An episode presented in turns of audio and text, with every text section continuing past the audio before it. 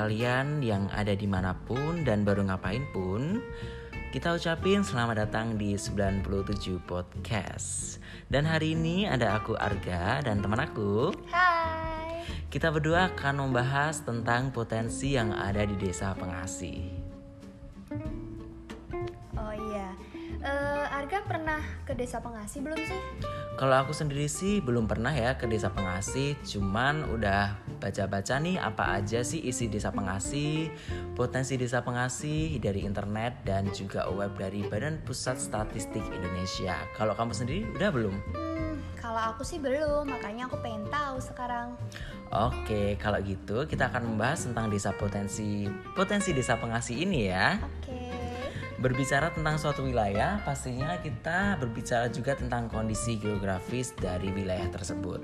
Nah, tahukah teman-teman kalau desa pengasih ini memiliki wilayah yang dibagi menjadi tiga, yaitu ada wilayah timur, wilayah barat, dan wilayah tengah. Wilayah timur dan wilayah barat merupakan dataran tinggi dengan tanah berwarna putih, sedangkan wilayah tengah ini adalah dataran rendah dengan tanah berwarna merah dan hitam.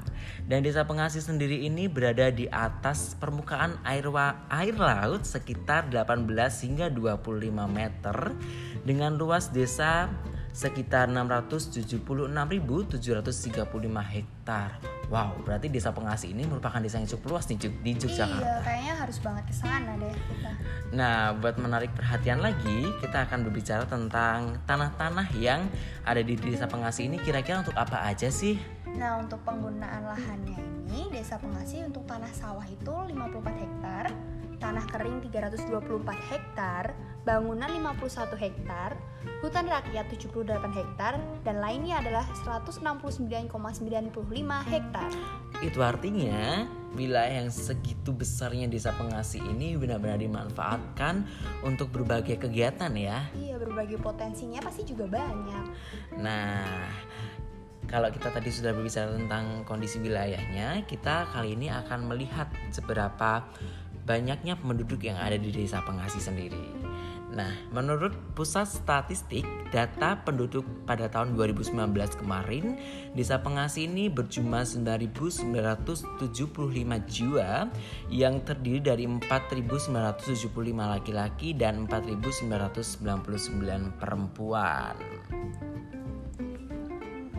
Sekarang kita mau bahas tentang potensinya apa aja. Apa aja nih potensi yang menonjol di desa pengasih nih? Yang pertama itu ada pertanian, Oke. yang kedua ada peternakan. Nah, itu dulu aja. Iya, itu dulu aja ya. Nah, coba deh kamu jelasin apa aja sih potensi yang ada di pertanian desa pengasih ini? Nah, di desa penasih yang untuk bagian pertanian itu mereka memproduksi jagung terbesar di kecamatan Pengasih karena sebagian besar sawah ditanami dengan tanaman jagung.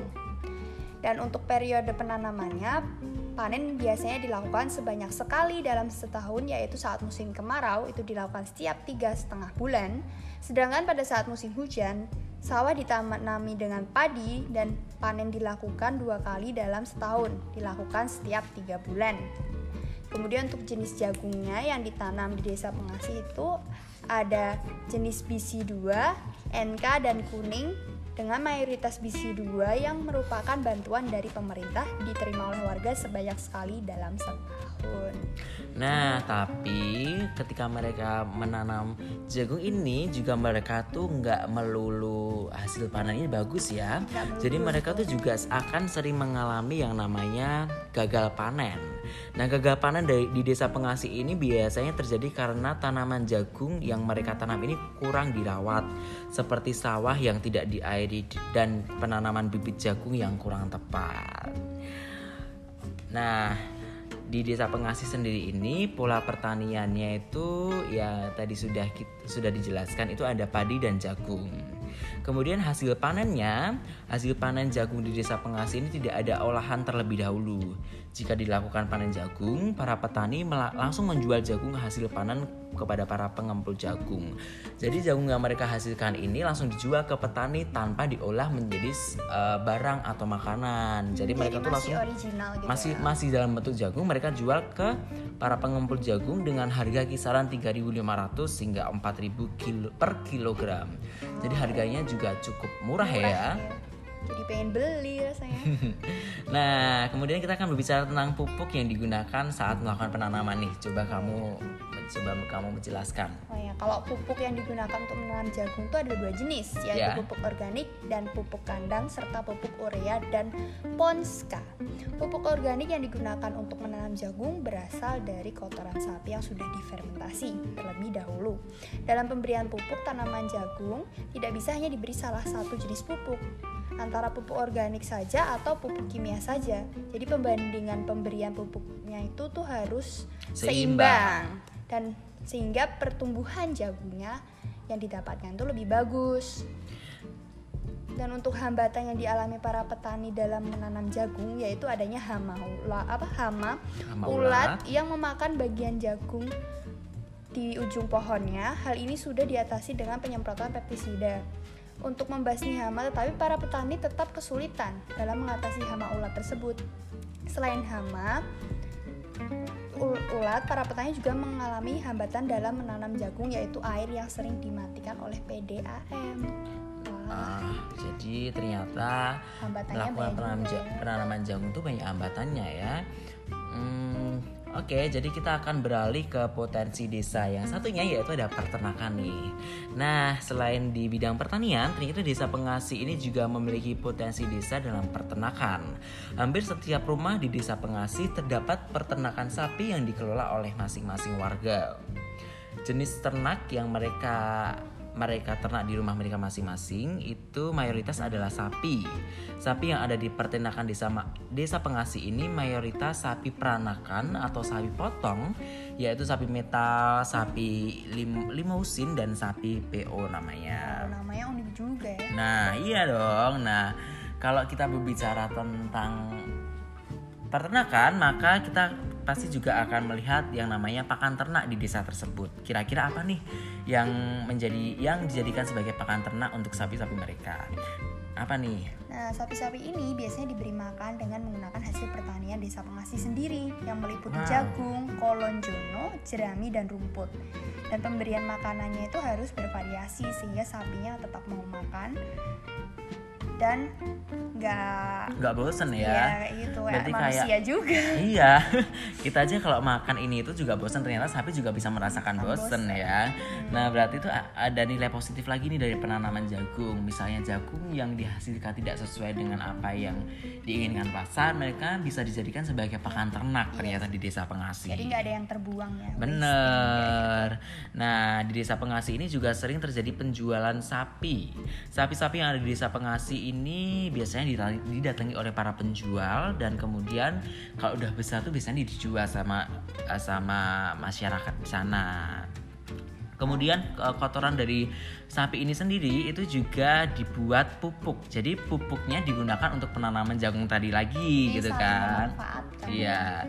Kotoran sapi ini ternyata sebelum dijadikan pupuk mereka tuh perlu difermentasi terlebih dahulu menggunakan bakteri jenis EM4 dan SOC dan proses fermentasi dilakukan selama satu bulan. Wow, cukup wow. lama ya. Oke, jadi kita akan masuk ke hasil pengolahan pertanian tadi nih di Desa Pengasi. Yang pertama ada beras jagung yang merupakan salah satu produk yang dapat dikembangkan dalam rangka verifikasi pangan dari jagung adalah beras jagung. Dengan melihat kandungan gizinya, maka beras jagung dapat dijadikan sebagai bahan pangan pokok selain beras. Jadi uh, seperti pengganti nasi gitu kan ya. Yeah. Jadi itu uh, jagung yang dihasilkan di desa pengasih itu tidak melulu bisa tidak melulu akan dijual sebagai bentuk jagung gitu kan. Yeah. Jadi mereka bisa diolah nih menjadi makanan atau apa pun yang menarik bahan dan tentunya pokok. bahan pokok dan tentunya akan memiliki harga jual yang lebih tinggi. Nah, selain beras jagung ini ternyata si namanya jagung ini bisa dibuat emping jagung. Kriuk-kriuk gitu. Iya, jadi dia cukup enak dan kayak jadi cemilan anak-anak masa kini gitu kan. Dan ternyata si jagung ini bisa diolah menjadi banyak makanan jenis juga ya. Bermanfaat juga. Oke, kita bicara tentang jagung. Sekarang kita beralih berbicara tentang pakan ternak. Kalau tadi di awal sudah disinggung bahwa pakan ternak itu juga salah satunya adalah jagung selain rumput tadi. Eh, ternyata hasil samping dari tanaman jagung sendiri berupa tongkol. Tongkol. Tongkol jagungnya itu dan batang jagungnya itu dimanfaatkan sebagai makanan ternak. Bi pemamah biak seperti sapi, kerbau, kambing. Jadi ya ternyata jagung bisa buat makan apa pun ya makan manusia bisa makan sapi bisa sampai tongkol dan batang jagungnya aja bisa, Bisa dimakan oleh sapi gitu kan kemudian kalau pupuk tong pupuk komposnya Jadi kalau untuk pembuatan pupuk kompos organik itu hanya berbahan limbah sisa tongkol jagung saja Yes. yang dibiarkan atau ditempatkan di lahan pertanian hingga tongkol jagungnya mengalami pembusukan dan akan berubah menjadi kompos. Jadi sebenarnya gampang banget ya buat pupuk itu. dan pupuk ini sendiri pun juga dibuat dari limbah sisa tongkol jagung loh bisa dijadikan sebagai pupuk Berarti semua yang ada di desa ini semua bisa jadi potensi yang bermanfaat. Yes, jadi bisa digunakan untuk keperluan-keperluan mereka sendiri ternyata. Nah, kemudian kita akan berbicara tentang hasil pengolahan peternakan. Kalau tadi kita bicara tentang hasil Pengolahan. pertanian mereka, ini per pengolahan peternakan. Ternyata mereka bisa menghasilkan yang namanya biogas. Biogas sendiri merupakan gas yang dihasilkan oleh aktivitas anaerobik atau fermentasi dari bahan-bahan organik termasuk di antaranya adalah kotoran manusia dan hewan yang merupakan limbah domestik yang kemudian dari limbah domestik rumah tangga, sampah dan limbah organik yang bisa dijadikan sebagai biogas. Kedua ada peptis Peptis- pestisida Yes. nabati ya maaf ya. Nah itu adalah urin sapi yang mengandung 100% nitrogen 0,1 Satu satu persen, persen ya. bukan 100 persen. Oh iya, 1 persen nitrogen, 0,50 persen fosfor, 1,50 kalium, dan 92 persen air Sehingga dapat dimanfaatkan sebagai bahan baku pembuatan pestisida, wereng, dan sundep Dan kelebihan dari pembuatan pestisida nabati yaitu mudah didapatkan proses pembuatan pestisida yang sangat mudah dan hemat biaya Sehingga petani Golongan menengah. Dan rendah dapat menekan biaya untuk perawatan tanaman mereka. Jadi nggak perlu yang mahal-mahal gitu. Nah, itu tuh potensi-potensi yang ada di desa pengasih. Ternyata banyak banget nih potensinya dan ternyata hasil-hasil yang ada di- hasil-hasil potensi di desa pengasih ini sendiri bisa dikelola menjadi banyak sekali hal gitu kan contohnya kayak tadi jagung bisa digunakan dan dikelola menjadi makanan-makanan dengan harga jual yang lebih tinggi daripada penjualan jagung biasa di pengampul jagung begitu juga dengan peternakannya bisa dikelola menjadi banyak hal seperti biogas, pestisida nabati seperti itu. Nah, teman-teman, sekian dulu podcast 97 hari ini. Kami pamit. Terima kasih.